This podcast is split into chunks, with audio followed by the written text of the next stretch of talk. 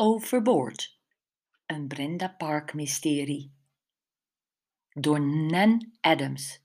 Deel 5, hoofdstuk 11. Kom, de muziek begint. Sophie greep Brenda bij haar arm. Ik wil de blaren op mijn voeten dansen. Ze volgde Sophie terug de zaal in met Jules en de anderen in haar kielzog. De live band zette Let Me Entertain You in van Robbie Williams. Het zou toch niet dat? Toen de TL-verlichting om twee uur in de nacht aansprong, stonden Brenda en Victoria met klamme haren en uitgelopen mascara midden op de dansvloer. Wat een fantastisch tribute to Robbie. En wat een geweldige imitator en DJ is die Jamaican, hijgde Victoria. Nou nog, Vic, ik dacht dat jij niet lang op je benen kon staan. Je danste als een bezetene. Brenda keek rond. Het was het avondje wel geweest. Ze had met haar groepje vrouwen zo staan swingen en zo gelachen dat ze haar buikspieren nu al voelde. Wellness, haar handelsmerk, was zoveel meer dan sauna, zwembad en zen-meditaties. Wat haar betreft was welzijn dit, wat ze op dit fantastische schip meemaakte: dansen, chansen en lol maken. Met een vleugje stilte en momenten van diepgang was dit welzijn in haar vrolijkste vorm. Het leven vieren, dacht ze, daar ging het om. Behalve van Victoria was van de andere dames geen spoor te bekennen. Jules had jammerlijk moeten afhaken toen haar migraine plotseling was opgekomen tijdens haar grandioze, maar iets te uitbundige dansoptreden op Jump Around van House of Pain. Gelukkig was het feest toen al bijna voorbij en had ze de heerlijke chaos van hossende feestgangers en mensen op de tafels, maar ook van de ouderwetse romantiek van intiem schuifelende danspaardjes nog meegemaakt. En gezien hoe René door pseudo Robbie op het podium werd getrokken om samen met hem Something Stupid te zingen. René verblikte of verbloosde er niet van en bleek een geweldige stem te hebben.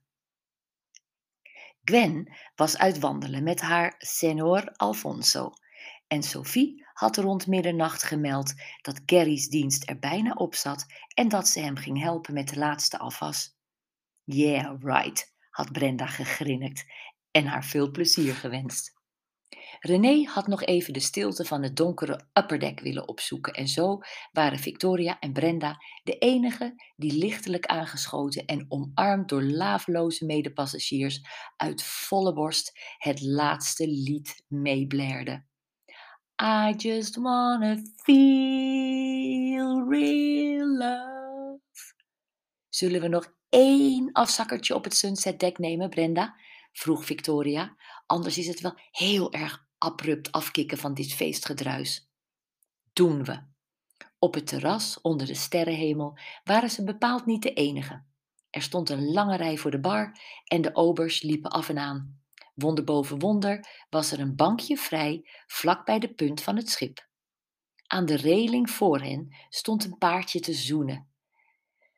Ah, Brenda zuchtte en dat ontging Victoria blijkbaar niet. Hoe is het met je? vroeg ze en keek Brenda recht aan. Wat is dat nou voor een vraag? We zijn de hele avond samen en we trekken al drie dagen met elkaar op.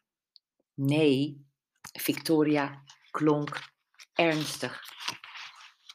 Ik vraag, hoe is het met jou? Ik heb de kans nog niet gehad om je te vragen hoe het echt met jou gaat. Ik weet natuurlijk dat je tweede huwelijkstuk gelopen is en dat corona je levenswerk overhoop heeft gehaald.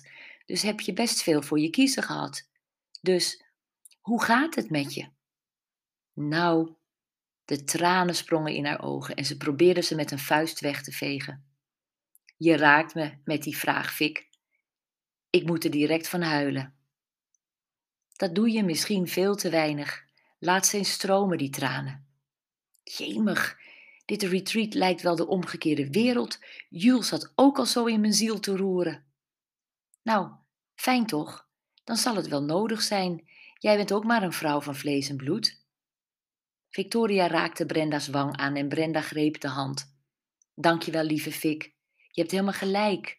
Tranen reinigen de ziel. Maar ze wilde het gesprek toch even op een ander onderwerp brengen. Over vlees en bloed gesproken, de vrouw die jij vanochtend dood in haar dekstoel vond. Die had toch geen bloed? Of wel? Victoria schudde haar hoofd en de laatste opgestoken haarlokken vielen los. Nee, er was geen bloed. Die vrouw zag er alleen maar in en in grauw uit. Ik schrok me helemaal weesloos toen het arme mens zomaar omviel, toen ik met dat shuffelding tegen haar aanstootte. Dat kan ik me voorstellen. Zo zie je maar, je weet nooit wanneer het noodlot je treft. Ze wachtte of Victoria nog een opmerking zou maken in de richting van een onnatuurlijke dood. Nee, natuurlijk niet. Er was niets mysterieus aan het voorval op het dek. Die ochtend dan, want het raadsel dat ze vanavond op het dek had gezien en vooral had gehoord, riep op zijn minst een paar vragen op. Toen ze even later in de lift stonden, viel het Victoria op dat er geen dertiende verdieping op het schip was. Dat brengt ongeluk, lachte Brenda. Het volgende moment schoven de deuren open. Een man tuimelde met veel bravoer de lift in en trok een giechelende vrouw achter zich aan. Brenda drukte zich tegen de wand in een tevergeefse poging om aan de alcoholwalmen te ontkomen. En via de spiegel wierp ze een blik op het stel en sperde haar ogen wijd. Het waren de vrouw met de rode pashmina en, voor het eerst in levende lijven en met aan zekerheid grenzende waarschijnlijkheid, de ex-man van Gwen.